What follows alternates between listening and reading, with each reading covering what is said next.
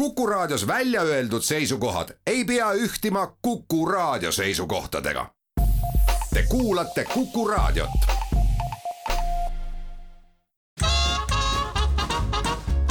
jäljed gloobusel tere, kena neljapäeva kõigile. Väints ja Karu on stuudiosse teist nädalat järjest kutsunud külalise ja teinud veel selle vea esimest korda meie saate ajaloos, et kutsunud sama külalise veel tagasi nagu teiseks korraks veel. tere, Ivo Tšetõrkin tere, Karu no nii, meil on, meil on Lõuna-Ameerika loomulikult silme ees juba kõigil, eelmine nädal, kuigi me rääkisime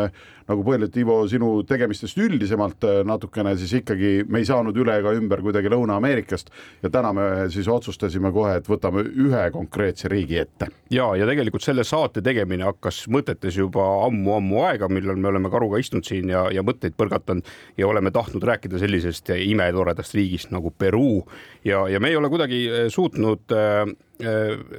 leppida selle mõttega, et me kuidagi räägiks sellest Peruust ilma Peruu maaletoojata ehk siis Ivota kes on, on selgelt äh, võib-olla üks enim Peruus käinud äh, eestlasi, võib-olla seal on küll kohalikke, kes seal ka elavad ka, need on rohkem käinud. aga täna me oleme saavutanud selle ettevalmistuse, nii Ivo kui ka meie oleme siin olemas ja, ja nagu siis jutt oli, hakkame rääkima Peruust, aga enne seda, kes kuulas eelmist saadet, siis Ivol jäi natukene hinge peal ja kripita, kipitama üks vastus,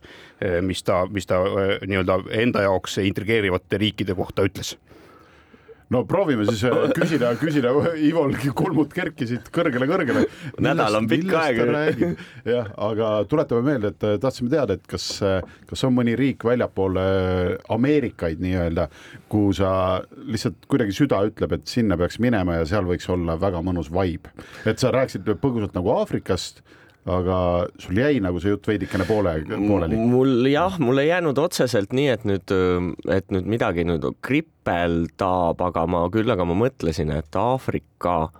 nii palju, kui ma olen sellest äh, teinud ise oma saateid, äh, nii palju, kui ma olen sellest lugenud või rääkinud oma sõpradega, kes on seal oma elu siis sisse seadnud või, või, või sealt äh, või kelle südamepaik on just seal, on see siis Uganda või Malawi või või Ghana, siis ma olen küll mõelnud, et, ähm, et seal on küll palju peidus, mida kindlasti samamoodi ei ole võimalik nagu esmapilgul, äh, võib-olla esmapilgul, mis ei võlu sind ära, aga mis äh, lähemal vaatlusel kindlasti haarab endasse ja kuidagi see Aafrika vibe ja see DIA või This is Africa või kuidagi nagu selline, et see võiks olla olla selline asi, mida nuusutada lähemalt ja äkki minu järgmine reis viibki sinna nojah, seal äh, ma piilasin ka kodulehelt, et Amazonas reisidega te ju tegelikult osad reisijuhid ongi, kes on täiesti ka ju Aafrika spetsialistid ja viivad, viivad inimesi ka sinna mm. -hmm nii et äh, saad minna grupiliikmena kaasa nagu nuusutama ükskord. ja eks ma olengi käinud tegelikult noh, läksin oma firma kiitmiseks, aga, aga näiteks ma ei tea, Mehhikos või Jamaikal, noh, Mehhik-, lihtsalt samamoodi oma, oma reisigrupi liikmena, et, et kuidagi isegi hoolimata sellest, et nii Jamaikal kui Mehhikos ma oskan keelt, siis noh, Jamaika keel muidugi mitte nii väga, see jaman on ikka hoopis teistsugune, aga vaikselt harjud et äh, kuidagi need, kes, kui seal Jamaikal see Tarvi Laaman on ikkagi üheksateist aastat seal seda vagu kündnud, siis ma tunnen, et ma saan ikka seal nagu niivõrd palju rohkem, kui ma käin seal tema käe kõrval, kui see, et võtan lihtsalt Lonely Planeti näppu ja lähen ise Mehhikos sama lugu näiteks no vot, aga, aga täna me räägime Peruust. ja võtame lennuki näppu ja lendame sealt mm. eelmistest piirkondadest ikkagi üle ookeani ja, ja kõnealusesse Peruusse ja Peruu on selles mõttes tore riik, et esiteks ta on suuruselt neljas riik Lõuna-Ameerikas, on ju, pealinn on Lima ja lisaks sellele peidab ta endasse veel väga põnevaid ja, ja toredaid eh, linnasid, kuhu me kindlasti tänase vestluse käigus eh, satume ja, ja siis eh, Peruu on siis sedasorti toreda kujuga riik ja sedasorti hästi pandud sinna kaardi peale, et näiteks ekvaatorist jääb tal põhjaosas puudu ainult neli koma kolm kilomeetrit, mis siis tähendab seda, et ta noh, on selline e-, ekvaatorile omase kliimaga, on ju. ülemine ots on, on selge tore džungel, voolab läbi sealt ka maailma kõige pikem jõgi, mis on siis Amazonas,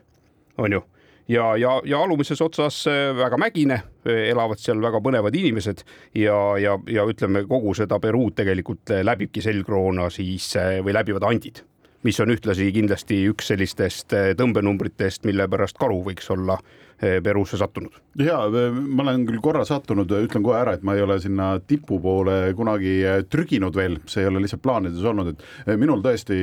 Peruust on väga napp ülevaade, sest ma olen seal olnud umbes neli ööd vist või noh, mitte rohkem, ehk siis mitte midagi, arvestades sellega, kui, kui suur riigiga ikkagi tegemist on. aga need olid toredad neli ööd, võin ma, võin kohe ära öelda. see riigi vist, vaatame nüüd Ivo otsa ka, et ta on ju tõesti, kuna seal on kõrguste vahe, mängib, mängib see, et ta on ekvaatorile lähedal, mängib see, et seal on suured jõed, suured mäed seal on neid erinevaid mingeid kliimavööndeid ja kohti, et mis tüüpi nagu metsa või mingit üldse taimestikku ja kõike näed, see on ju nii täiesti seinast seina, kui üldse vist saab olla või? Äh, jah, nende numbritega ma võin veidi eksida, aga minu meelest on nii, et kui teadlased on öelnud, et maakeral on üldse kakskümmend kuus erinevat kliimavöödet, mis iganes alusel siis nad on klassifitseeritud, siis sellest kahekümne kuuest on Peruus esindatud kakskümmend. ja just tänu sellele, et need kõrgused on niivõrd erinevad ja samamoodi mitte ainult kõrgus, vaid Andide idanõlv, mis on siis Vaikse ookeani poole ja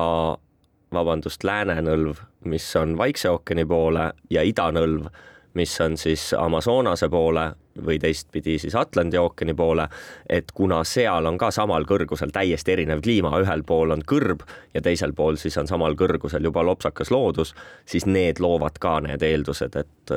et seal nagu need erinevad, erinevad kliimavöötmed, sealhulgas siis kõik taimed, söögitaimed, mis iganes nendel, selles seal kliimavöötmes kasvavad, on siis nagu esindatud no need mahuvad sinna loomulikult kõik ära ka, nagu ennist sai öeldud, siis äh, Peruu on äh, suuruselt neljas riik Lõuna-Ameerikas ja, ja pindalalt siis üks koma kaks miljonit ruutkilomeetrit, mis noh, Eestiga võrdlust siin võib-olla ei kannatagi mm -hmm. eriti välja. Ja, ja seal elab kolmkümmend neli koma kolm miljonit inimest, see on siis käesoleva aasta eelduste kohaselt. Ja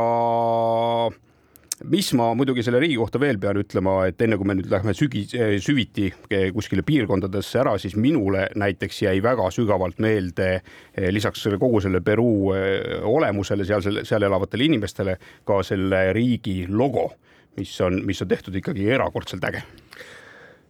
Jah, raadiopilti ei edasta, kui sa selle logo juba tõid, siis proovime seda natuke kirjeldada, selle logo ta on lihtsalt selline joon tõmmatud, sinna on kirjutatud Peruu ja see põh on siis niimoodi nagu niisugune natukene sinni-vinni on äh, selline nagu mitu ringi oleks joonistatud, ta on mõnes mõttes tuleb äh, see taust äh, la, Nazca siis joonistest, mis on need äh, geoglüüfid, jah, mitusada meetrit suured maa peale kõrbesse tõmmatud, mida siis lennukite pealt äh, saab vaadata. Ja noh iganes kiire Google Peruu logo, siis, siis näed ära, millega tegu. tõesti äge. aga ta on nagu kihvt selles mõttes, et minu meelest see ei ole väga ammune lugu üldse, see on mingi mõned aastad tagasi loodud ja minu meelest on see nagu selge näide sellest, et kui sa tahad head logo, ei olegi vaja teab mis hiiglaslikku mõttetööd teha, sul on vaja lihtsalt head disainerit, ühte head disaini ja, ja, ja sellest täiesti piisab, see Peruu logo on lihtsalt, inimesed ise vabatahtlikult panevad seda särkidele, lennufirmad panevad seda vabatahtlikult oma lennukisabadele, bussifirmad, kõik. Noh, see on nagu hästi palju seda hakkab silma, kus firmad ja inimesed ise vabatahtlikult seda logo nagu hea meelega kasutavad mida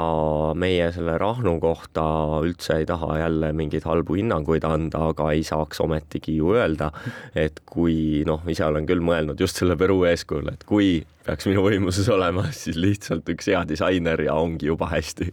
ja Väints isegi siin eravestluses läks isegi nii kaugele, et kuna Väints on tuntud kui äh, Äh, väga osavalt oma kehapinna ärakasutaja just naha osas, et katab selle tasapisi tätoveeringutega, siis saan aru, et äh, Peruu logo on üks, mille, mida sa oled kaalunud. ja olen kaalunud, sest tegelikult see ei oleks sugugi esimene äh, riigil baseeruv tätoveering, mis mul on. Bosnia-Hertsegoviina on ka kuskil ei, Bosnia-Hertsegoviinat ei ole, küll, küll on jala peal Mongoolia logo, mida mida nad ka oma auto numbrimärkidel ja lipul kasutavad ja selle nimi on Soyombo, koosneb väga põnevatest komponentidest ja nende hulgas siis ka yin-yang on ju, aga mitte sellest ei tahtnud täna rääkida, vaid, vaid tuleme nüüd hüppame ikkagi sinna Peruusse tagasi, kuidas me, kuhu me nagu kuidagi püsima ei suuda jääda. ja noh, aga ta, ta ongi nagu selline ju tore riik, et kuna ongi nii, nii erinevat Peruud võimalik saada, et siis, siis meie jutt võibki täna tulla ka üsna hüplik, aga see, kui hüplik ta täpselt tuleb, sellest me saame aimu juba pärast väikest kommertspausi. Jäljed gloobusel.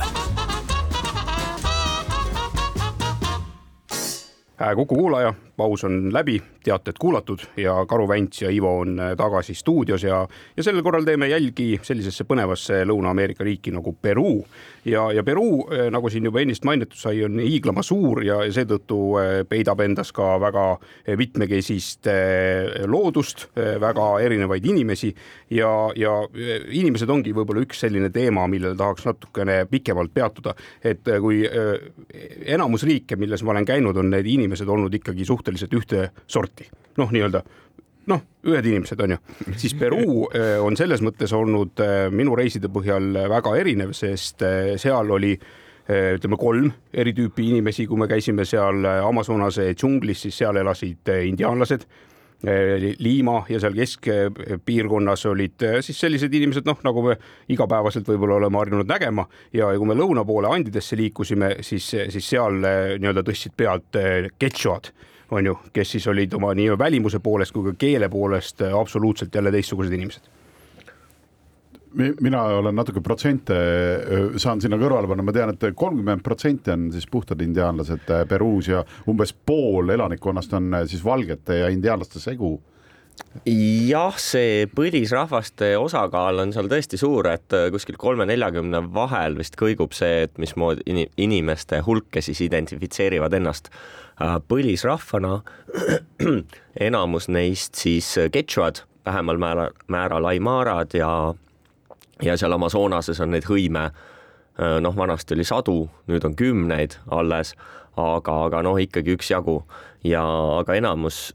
on siis nii-öelda mestiitsid jah, mis siis on hispaanlaste järeltulija indiaanlaste või põlisrahvaste nagu segu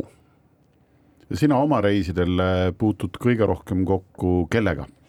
Nende hulgast mm? -hmm. Um, sellega on jah, nüüd see lugu, et um, Andidesse, kui sa lähed, Cuscosse, siis uh, tõesti on need ketšuate,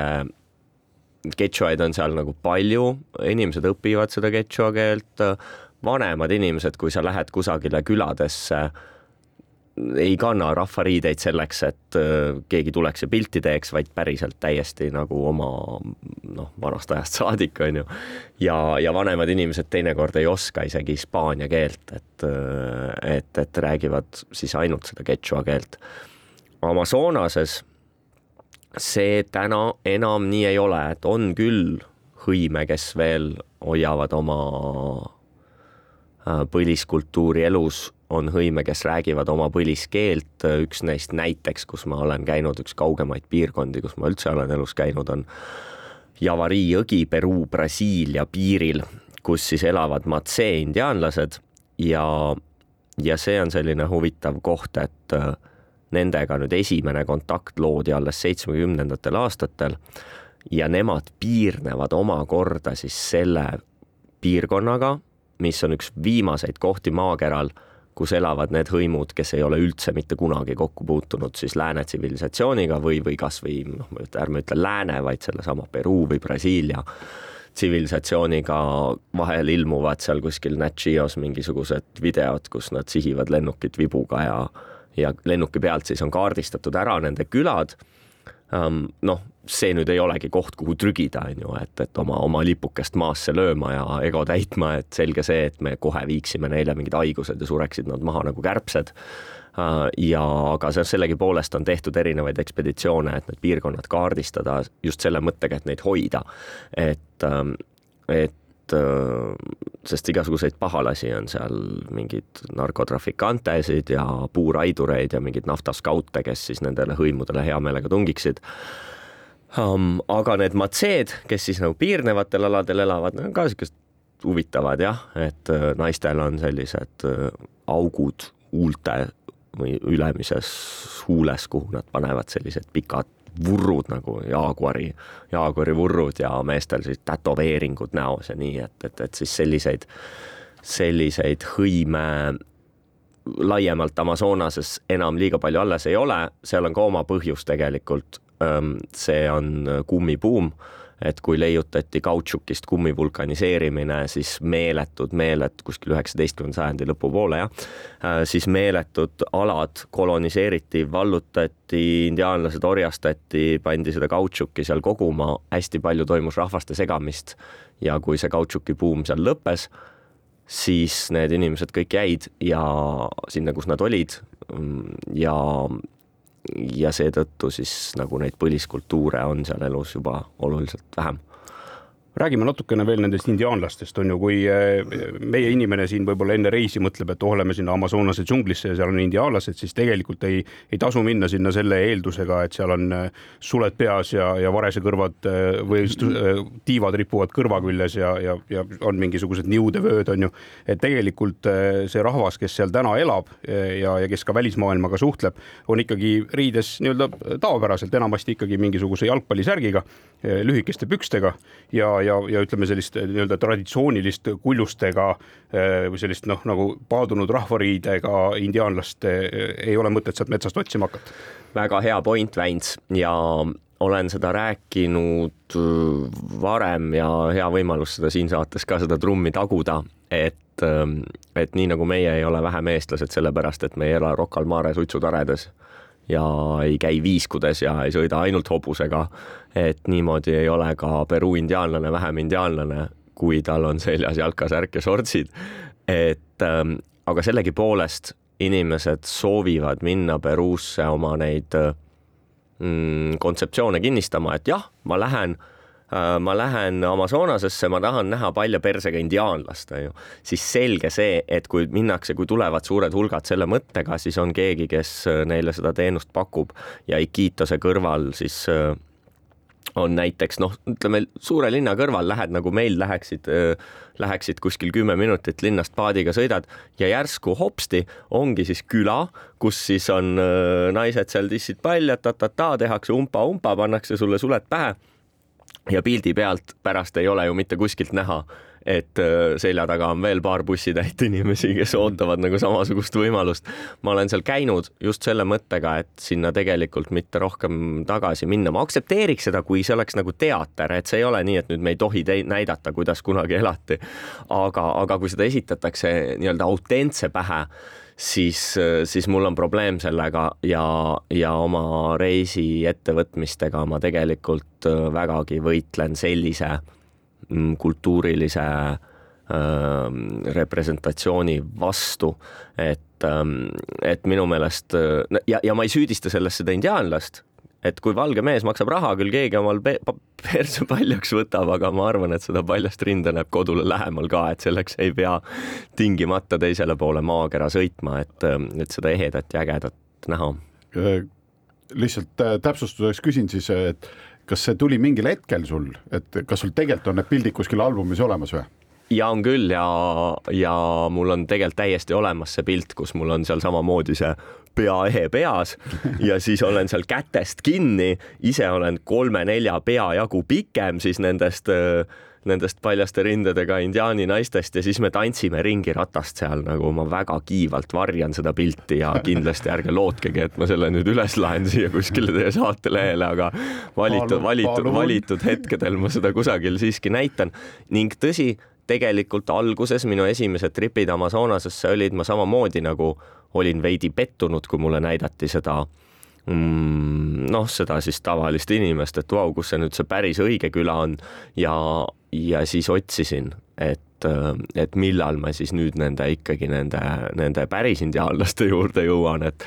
ja, ja siis olid meil giidid samamoodi, et nad ütlesid, noh, tüüp tahab minna, hea küll, lähme siis. Ja Mutkaga hakkasime minema mööda Napo jõge kusagil Ecuadori suunda. Kümme päeva, sõitsime kinnises paadis ja lõpuks ikka jõudsime kuskile poole peale, kuhu plaanisime jõuda ja seal olid samamoodi need ikkagi need inimesed ikkagi noh, isegi seal, et ikka ei ole nad palja tagumikuga ja ikka ei ole nad aga ei, hiljem tegelikult jah, ma sain aru, et see ei ole tegelikult mingi teema, et see ei ole see, mida, mida otsida, et, et, et see sellegipoolest on see täiesti ehe ja äge elu. et, et see, mismoodi nad seal külades elavad ja, ja ega ta sellepärast ei ole kuidagi kehvem hüppame korra nagu täitsa algusesse ka. millal üldse sul see esimene krõks nagu ära käis, et sul see, Peruu on see koht, kuhu ma tahan minna kogu aeg no kuidagi mul see juhtus esimesel reisil Amazonasesse kaks tuhat kuus juba jah, et, et seal sinna vihmametsa kuidagi ma tundsin, ma tahan nagu tagasi minna. ja siis oli nii, et sinna oma hilisemasse kodulinna Iquitusesse ma ei jõudnud, kuna seal oli väidetavalt mingi kollapalaviku epideemia, me ei julgenud sinna minna, aga ka sinna Amazonasesse ma jõudsin tundsin, see on äge koht ja, ja tahtsin siis teise reisi me tegime Kolumbiasse sõpradega ja siis mööda Kolumbias ma jõudsin Amazonase äärde, me sõitsime sealt siis kaheksasada kilomeetrit üles jõge mööda Amazonast, sest ma tahtsin sinna Iquitosesse ikkagi jõuda, sinna linna. ja, ja see oli mu teine tripp Amazonasesse ja, ja siis pärast seda oligi see lugu, et, et siis ma nagu äh, korraldasime juba esimese reisi, et siis saaks ikkagi ise minna veel kolmandat korda ka ja see oli ühtlasi ka Amazonas reiside sündimise hetk, millest täna on viisteist aastat tagasi. oleme Ivo Tšetõrkiniga Peruu radadel tagasi mõne hetke pärast. jäljed gloobusel tere tulemast tagasi kuulama. me räägime täna Peruust ja seltsiks on meil Ivo Tšetõrkin, sest noh, kes siis veel Peruust võiks rääkida, kui mitte Ivo. Peruu maaletooja. absoluutselt. Iquitos on see linn, kus, kus oled sa, Ivo, veetnud nagu päris, päris mitmed kuud oma elust see on üks kummaline linn, mina palju ei tea, mina pole seal käinud, aga ma tean ühte asja, sinna linna ei vii ühtegi maanteed ja samas on ta sama suur kui Tallinn enam-vähem vist, kas ma eksin? Ei eksi, ta on tõesti, ühtlasi on ta maailma kõige suurem linn, kuhu ei vii ühtegi maismaateed. aga kui sa nagu kõnnid seal ringi, siis seal keskväljakul ma ütleksin, et sa tunned nagu suuruse mõttes, nagu sa oleks Keilas. Mitte siis suuremas linnas, et ta on nagu selline pigem nagu selline laiali valgunud um, mitme väikese keskusega. Ja võib-olla ka inimese kohta eluruumi on seal oluliselt vähem kui Tallinnas, et, et seetõttu on siis ta pisem. kas kõige kõrgem maja oli see roheline või sinikas äh, varemete hunnik keset, keset keskväljakut? seal on jah, et üks mees ükskord hakkas sinna linna ehitama kümnekordset maja ja avastas siis, et see pinnas, mis on terve Amazonas selline savine lugu, ühtegi kivi näiteks ei ole terve Amazonase peale või lower, noh, selle madalama Amazonase peale, ta on, kõik on savi peale. Äh, kogu see mets, mis on ka üks põhjus näiteks, miks ei ole nende vanade hõimude kohta palju teada, sest seal pole ühtegi materjali, mis ei säi-, mis säiliks et kõik kõduneb natukese ajaga ära, et siis nende luutükkide asjade, need ei jää nagu pikaks ajaks alles, et seal midagi, mingeid arheoloogilisi leide lihtsalt pole olemas, on ju. aga see, jah, seda ühte maja üks tüüp hakkas seal kunagi ehitama ja, ja see maja hakkas kohe vajuma, siis ta jäeti maha ta, see on eraldi lugu, ühel mehel oli suur unistus, seal üleval on basseinid, noh, niisugused basseiniorvad, niisugused penthouse'id, värgid, aga aga siis ta ühesõnaga, kuna see maja ei saanud valmis, maksude tõttu riik võttis selle ära ja haigla tegi nüüd sinna oma mingisuguse lao, kus sa hoiad mingeid vanu reformvoodeid ja mingisuguseid, noh, ma olen seal mingi väikse altkäemaksu eest sinna kondama läinud mõned korrad ja pimedas õhtul käid ringi, siis vaatad mingisugused vanad haigla kartoteegid, tead kõik selle papilõhnaga, mis sellega kaasneb ja siis on mingid suured mingid masinad, mille peale on kirjutatud Bank ja mingid siukesed asjad, et sa võiksid nagu õudusfilmi filmida selles majas nagu aga see-eest on ülevalt katuselt hea vaade, kui sa sealt treppi mööda lähed ja suudad mitte kukkuda sinna tühja liftišahti, mis seal kõrval nagu haigutab ja nii edasi, et sellised põnevaid, põnevaid natuke obskuurseid vaatamisväärsusi. aga kui, kui sinna ükski tee ei vii, kas see tähendab siis seda ka, et selles linnas ei ole ühtegi autot või? vähe, mm, vaata, kui nüüd saate alguses Väints rääkis sellest Peruu suurusest, siis jah, ja, ja ütlesid, et Amazonas on ka kõige pikem jõgi, ta muide kõige pikemaks jõeks sai vist suhteliselt hiljuti. et sinnani vist oli Niilus ja siis ühel hetkel nüüd teadlased ikkagi otsustasid ja arvutasid, et Amazonas on ikka kuus tuhat kaheksasada seitsekümmend kaks kilomeetrit pikk. no vot, küll aga ta see on rohkem jõge, rohkem vett kui järgmises seitsmes jões kokku suuruselt, et, et küll ta võimas on, aga minu jaoks no vot nendest numbritest rohkem ütlebki selle Peruu suuruse kohta see, et kui sa tahad näiteks sinna Iquiitosesse jõuda, mitte kasutades siis lennumasinat äh,, siis sa pead kõigepealt ületama Andid ühest otsast ülesse, teisest alla äh,, mis võtab bussiga kuskil kakskümmend neli tundi ja siis jõuad sa niisugusesse linna, mille nimi on Pucallpa. Ja sealt lähed suure rõveda praami peale, noh, rõveda, suhteline mõiste tegelikult on omamoodi romantiline, aga selline roostesilma akendeta suur jurakas, paned sinna oma võrkkiige ja siis kulged alla mööda Amazonast umbes viis päeva ja siis jõuad sa sinna linna kohale. teine variant on minna muidugi lennukiga. Um,, noh, siis on selline oma sisetunde küsimus, et kui sa tegelikult lendad ikkagi suure nagu mitte mingi moosiriiuli, aga päriselt suure reisilennukiga kaks tundi üle metsa ja jõuad siis kohale sinna linna, siis on nagu sisetunde küsimus, kas sa tajud ära selle kauguse või sa võtad seda kui lihtsalt teleportatsiooni, et hops ühest otsast sisse, teisest välja. minu meelest see lennuk läks ka sinna nagu külabuss niimoodi, et äh, iga natukese aja tagant maandus, siis vahepeal tangiti jälle ja, ja siis äh, justkui keegi oleks lutsu visanud sealt viimakandist. aga kui sa siin nüüd rääkisid siit äh, seda jõge mööda minemist viis päeva või palju neid parasjagu oli neid päevi, siis, siis ma pean sind tunnistama, et äh, see on üks minu bucket list'is olev asi, mille ma kindlasti selle eluaja jooksul pean veel ära tegema ja, ja seetõttu äh, pean ma sinna Peruusse ka veel tagasi minema. me oleme neljakümne kolme juba ära olnud, noh, täna on neljakümne neljas saade, ma lihtsalt tean, kuna e eelmine kord oli numbritest juttu, äh, pean lihtsalt ütlema, et Väints, ma pean seda nimekirja juba, et mis tagataskus siis Väntsi languskohast ja kõik läheb ära ja ma tegin väikse arvutuse, et isegi selle neljakümne nelja saate põhjal Vänts, sa peaksid elama saja seitsmekümne kuue aastaseks, et kõik need asjad ära käia, kui sa samas tempos jätkad, nii et äh, aja tempo üles, võin ma öelda ainult. ja, ja see Igitos on, kuulub ka minu top kümne äh, ägedama linna hulka, äh, kuhu ma kindlasti pean tagasi sattuma. Jälle selle klausliga, et ma päris täpselt ei tea, kui palju neid linnasid seal top kümnes on. See on nagu selles mõttes pull koht, et inimesed, keda ma sinna olen viinud, jagunevad täpselt keskelt kaheks. Äh, ühed, kes ütlevad, et Iquitos on äh, hullult äge koht ja teised ütlevad, et noh, džungel džungliks, noh, me ju läheme sealt edasi džunglisse, vihmametsa, et et džungel on äge, aga vot sellest Iquitusest, sellest ma küll aru ei saa, et mis seal ägedat on. et seal ei ole otseselt näppu peale panna, ta on piisavalt kaootiline, selline mototaksod vuravad, piisavalt lärmakas, seal on see ujuv slumbelen, kus on majad ehitatud palsaparvedele ja kus sealt sada aastat ei ole palju elu muutunud, on ju, ja, ja siis see turg, aga noh, igasuguseid turge on ju igal pool maailmas ka. Ja ja ta on sihuke omamoodi vibe, mul on õudselt raske seda kirjeldada, ta, ta nagu, ta nagu noh, ei ole nii, et, et oh, et see on nüüd äge kuidagi, et, et ta on küll eksootiline. Inimesed jagunevad ja täpselt kaheks, osad ütlevad, istun siin promenaadil vaatad, kus see jõgi on taamal ja päike loojub ja inimesed sebivad edasi-tagasi ja hiilib ligi mingisugune müstiline, kummaline tunne. jälle see, millest me rääkisime nüüd eelmises saates, et positsioneeri ennast korra kaardil ja et kui sa mõtled sellel hetkel, kus kohas sa maakera kaardil asud ja, ja siis võib-olla hiilib ligi see selline, selline mingisugune kummaline, müstiline, äge kohaloleku tunne ja arhitektuuri mõttes on ju see linn, kui nüüd see torn välja jätta, on ju tegelikult selline äh, koloniaal arhitektuur ja, ja sellised nii nagu ajahambasse kinni jäänud äh, hooned seal. ja see on tegelikult äh, teine osa, et, et kui me rääkisime sellest kummibuumist ennem, et mis oli siis,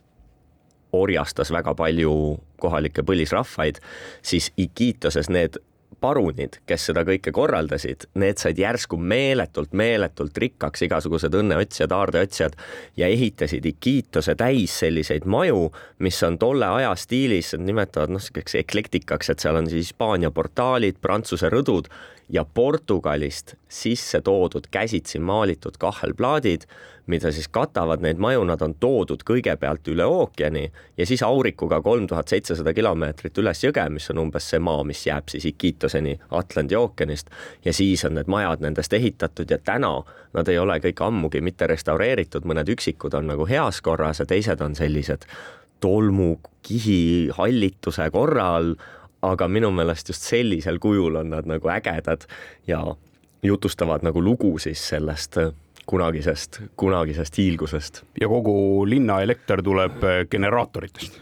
enam-vähem jah, no seal on üks suurem ka aga, aga jah, ta on täielikult isoleeritud, et mitte ainult sinna ei tule ühtegi maanteed, aga sinna ei tule ka ühtegi elektriliini, kaablit, mingisugust netikaablit, midagi, et, et kõik, mis on ta ühendatud välismaailmaga, on siis läbi läbi õhu. kas äh, sa ütlesid enne, et äh, tavaliselt sa liigud sealt linnast edasi rahvaga džunglisse? Äh, ma olen mingeid pilte ja mingit videot näinud, kus te et mingi niisugune shelter või pelgupaik on teil kuskil, kus on ka mingi algeline, ma ei tea, lühilaine raadio või mingi selline sidepidamiskoht, kas, kas sinnapoole te liigutegi sealt edasi? sellega ongi nii jah, et kui sa juba nii Amazonases oled, siis tasub ikkagi päriselt metsa ka minna, mida sa linnas ja tegelikult ka linna lähedal väga ei leia, et, et ma vahest toon ähm, näite, et ähm, et inimesed, kui tuleb noh, kruiisilaeva pealt maha ja nad viia näiteks Peoleo kämpingusse ja öelda, et nüüd oled noh, Peoleo kämpingul ei ole mitte midagi viga kindlasti, aga me vähemalt ei ütle, et ta on Eesti põlismetsa keskel. et siis mm. tegelikult Peruus vahest nii võib olla, et selleks noh, Väint siin rääkis, et ta tahab selle vana laevaga sõita, see on väga mõnus trip tegelikult, laev teeb peatusi, mingit sigu lükatakse maha peale, värki, elu käib, võrkkiik, pumm-pumm-pumm. Aga see on ikkagi jälle selline suure autobaani peal sõitmine on ju, et suure jõe peal, et selleks, et ikkagi päriselt metsa jõuda, sa pead ikkagi minema natuke kaugemale, natuke rohkem vaeva nägema. Äh, mis seal salata, ka natuke rohkem ressurssi kulutama, et, et jõuda nagu ikkagi sinna metsa, metsa südamesse, jah, meie place, kus me oleme ise partnerid, see on sealt siis päeva teekonna kaugusel veel omakorda kas see, kas see on, see shelter on tõesti see, kuhu igaks ööks tullakse tagasi või te lähete nii-öelda sellest äh, oma onnist lähete ka ikka mitmeks päevaks eemale ka äh,? nii ja naa, et äh, see shelter või onn asub juba keset põlismetsa, et äh, kõik hääled, loomad ei ole kaugel, nii edasi, aga noh, sealt me teeme siis väljasõite kanuudega, mootorpaatidega, jala, nii edasi, seal on paar sellist ägedat küla lähedal, kus taaskord ei tee keegi umpa-umpat sulle tissid palja tagas, keegi ei nõua pildi eest raha ja nii, et kõik on nagu niisugune ehe ja äge. ja, ja teinekord läheme sealt ikkagi ka võrkkiikedega lihtsalt metsa, võtame sult ära selle kujuteldava seina ümbert, et sa oleksid nagu päriselt elementidele paljastunud ja, ja saaksid aru, milline väike kirbukakatükk sa suure maatsa kõrval oled. ja siis ööbid seal nii, et kuuled, kuidas äh, sipelgad astuvad mööda võrki kegenööri ja, ja möörahvid lõugavad puude otsas. nii on, äh, nende, need jutud jätkuvad mõne sekundi pärast. jäljed gloobusel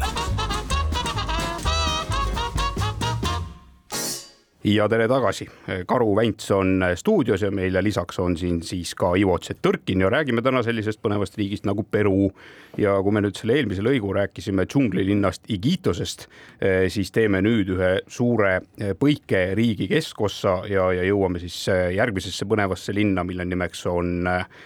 Cusco ja, ja esimene asi, mis mulle Kuskoga kohe meelde tuleb, on see, et kui me Liimast sinna lendasime, siis sealt ookeani ääre pealt umbes null kõrguse pealt kolme tuhande kahesaja peale minnes äh, rabas kohe äh, nii-öelda kogu õhu kopsudest ja, ja mul läks ikka päevi aega, enne kui ma sellest keskväljakult äh, mööda treppe ilusasti hotellini jõudsin ühe jutiga ära minna. Ühe jutiga ma mäletan, kuidas sa ütlesid, et noh, kolm tuhat nelisada isegi ja kõik, mis on üle kolme, hakkab iga sada meetrit lugema ja ja kuidas sa seal õhinapõhistes nii kenasti ütlesid, et et äh, ikka kõrgushaiguse vastu kohaliku kombe kohaselt aitab kõige paremini ikkagi kokaleht põses ja meie meeldivas kollektiivis jätkub seda kraami ikkagi kottide kaupa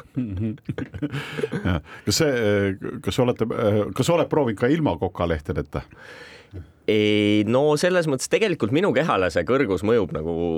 mitte üldse kuidagi laastavalt, et miskipärast ma, ma talun seda hästi ja suudan seal alati kohe esimesel päeval ka, ma ei tea, õhtul peole minna. et, ähm, et see on kuskilt ülevalt poolt kaasa antud, see ei sõltu kehakaalust, vanusest, sportlikust ettevalmistusest, mitte millestki, et äh, et, et ma tõesti jah, ise kuidagi nagu mul on mõnus seal. see olukord tuli mulle ka natukene üllatusele, sest tegelikult äh, olin varasemalt, äh, minu kõrgusrekord on äh,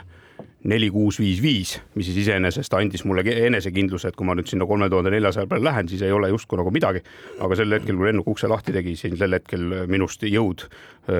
minu jõud rauges ja, ja, ja nagu siis enne öeldud sai, siis taastus alles mõnede päevade pärast, et mm. -hmm. ja päriselt ei ole ju taastunud siiamaani. absoluutselt. on, on ta ei ole taastunud selles mõttes, et kui me seal Kuskos juba olime, siis tekkis minus mingisugune selline arusaamatu äratundmise rõõm, istusime oma hotelli rõdu peal seal õhtul ja, ja, ja tegime timelapse eh, videot sellest, kuidas linn pimedusse vajus ja tuled süttisid ja, ja siis ma leidsin endas mingisuguse sellise salapärase koha, mis justkui ütles, et ma olen mingisuguses varasemas elus selles linnas olnud või, või noh, mingisugune side, mingisugune arusaamatu side tekkis mul selle linnaga. Kas need kolme tuhande neljasaja peal Kuskos elavad äh, kohalikud on äh, kuidagi teistmoodi ka kui teised? Äh, kui teised, kes? kui, kui teised Peruu äh, no, näiteks indiaanlased? ja no selles mõttes, et need ketšuad on, nad on hoopis teiste näojoontega, nad on sellised, võib-olla ninad on teravamad kui Amazonase indiaanlastel ja sellised natuke nurgelisemate nägudega, äh, võib-olla mitte noh, esimese hooga võib-olla natuke võõrastavad isegi. Ähm, noh, selleks on ka omad põhjused, tegelikult see mägede stiihia on selline noh, ma Peruu ajalukku liiga palju ei, praegu ei kaevu, aga aga nad ei ole sellised, noh, kui mõtled latiinod, et vau wow,, et tulevad seal kohe keel peas ja vau-vau-vau, on ju, et, et hästi elavad ja sellised ekspressiivsed, siis pigem ei, et see nende temperament on niisugune vaoshoitud ja, ja, ja nad on sellised tasased ja, ja, ja nagu sellised rahulikud, et et see tempera-, jah, et mm, aga mul tuleb meelde küll, et Väints, kui ta seal Iquiitoses oli, siis oli natuke palav ikkagi ja, ja, ja higistas ja kuidagi see kaamera käes oli ikkagi no mitte vaev, ma ütleks, aga, aga asi sai tehtud väga hästi. aga, aga, aga ikka kogu aeg rääkis, kuidas on palav ja palav ja, ja see kliima pole tema jaoks, nii kui ta jõudis Kuskosse, siis mitte ta lihtsalt ei tundnud, et ta on omas elemendis, ta kõigepealt ostis tänavalt kohe esimestelt nendelt indiaani prouadelt, ostis ennast kõikigi värvilisi riideid, seal poncho ja püksid ja mütsid ja sallid ja käpikud ja kapukad ja pani ennast ennast kohe indiaanlase moodi riidesse, naeratas ja ütles, et mina olen nüüd kodus et see oli tegelikult jube vahva vaadata. kas, kas selles äh,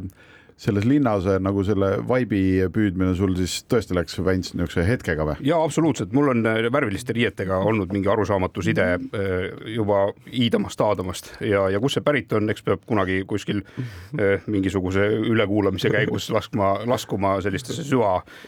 süvanurkadesse, et aru saada, aga, aga mulle tõepoolest see meeldis ja, ja ma pean nüüd tunnistama, et ka, ka toona kõik järgnevad päevad olid kihvtid, et esiteks sealt reisitakse ju enamasti ka Machu Picchule, mis pean siinjuures tunnistama, et minule nagu üleliia äh, nagu tugevat tunnet ei jätnud ja, aga sealt me rentisime ka mootorrattad ja, ja käisime siis äh, nende külade vahel tsiklitega sõitmas ja külastasime erinevaid äh, soolakaevandusi. mulle, mulle meeldib näiteks Machu Picchu puhul meeldib see, et kui sa oled siis Cuscos on ju kolme tuhande neljasaja peal, Ivo, sa ütlesid jah? et vist jah. jah, et kolme tuhande neljasaja peal, siis sealt minnes saab ju Machu Picchusse laskuda, sest tuleb minna kilomeeter alla, sest Machu Picchu teatavasti on niisugune kaks tuhat nelisada ja mm -hmm. kuskil sealkandis, kandis nagu kõigub ja Peruu, siin on see, et vaatasin kella vahepeal ja näen, et nagu viie minuti pärast peaks otsad Peruuga kokku tõmbama, ütleme siis ära, et me päris äh, neid otsi kokku ei tõmba igal juhul, et me räägime Ivoga täna ära, aga tundub, et järgmise nädala saates me peame natukene Väntsiga siis rohkem rääkima ka oma tegemistest, mis on Peruus olnud, aga aga öö, äh, täna on meil endiselt, on siin ikkagi Ivo, Ivo aita natukene nendel, kes suhtuvad skeptiliselt just nimelt nagu sellesse, ütleme siis rohkem india-, ma tean, et on palju inimesi, kes näiteks ütlevad, et nojah, et Lõuna-Ameerika, et vaata, et ma saan Argentiinast aru, ma saan Tšiilist aru, on ju, et need on kuidagi Uruguay, et need on nagu ägedad Brasiilia, aga et seal, kus on nagu hästi palju indiaanlasi, et see minu jaoks on kuidagi nagu võõras, et no niisugune Boliivia ja Peruu ja Ecuadoris vist ka on ju rohkem, on ju, et, et kas sinu jaoks on just äh, näiteks vastupidi, et see on äh, niisugune põnevam on just seal, kus rohkem indiaanlasi? väga hea küsimus, Karu. kui ma läksin esimest korda Argentiinasse, siis ma mõtlesin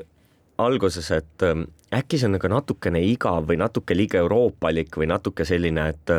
et, et ta ei ole nii raju, nii teistmoodi, nii eksootiline tänu sellele, et seal nagu ikkagi on need Euroopa juuri rohkem ja, ja indiaanlasi vähem. leidsin eest hoopis teistsuguse maailma, mis on jälle omamoodi kiiksuga.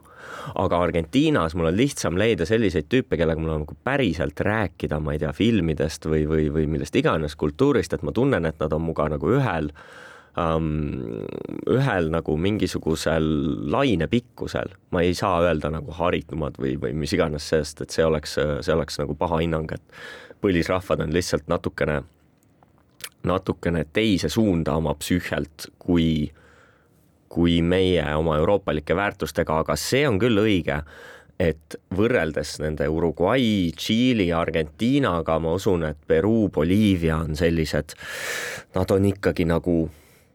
raskemini hoomatavad äkki et nende inimeste maailm, nagu ma ütlesin, seesama, see mägede psüühia, ta ei ole selline ekspressiivne, nad ei kipu ennast avama üldse sulle, nagu nad hoiavad seal omaette, on, on vaos hoitud. ja ja ta on selline, võib-olla see andide vibe ei ole ka selline vau wow,, helge. Amazonas on rohkem sihuke šallallaa, mõnus salsa äh,, elu on ilus, süüa on kõigil, ilm on hea, siis mägedes on ju külm äh,, toit ei ole nii enesestmõistetav, see lükkab pitseri inimestele ka muudesse eluvaldkondadesse ja ta on sihuke midagi sellist rusuvat, midagi sellist sünget Äh, natukene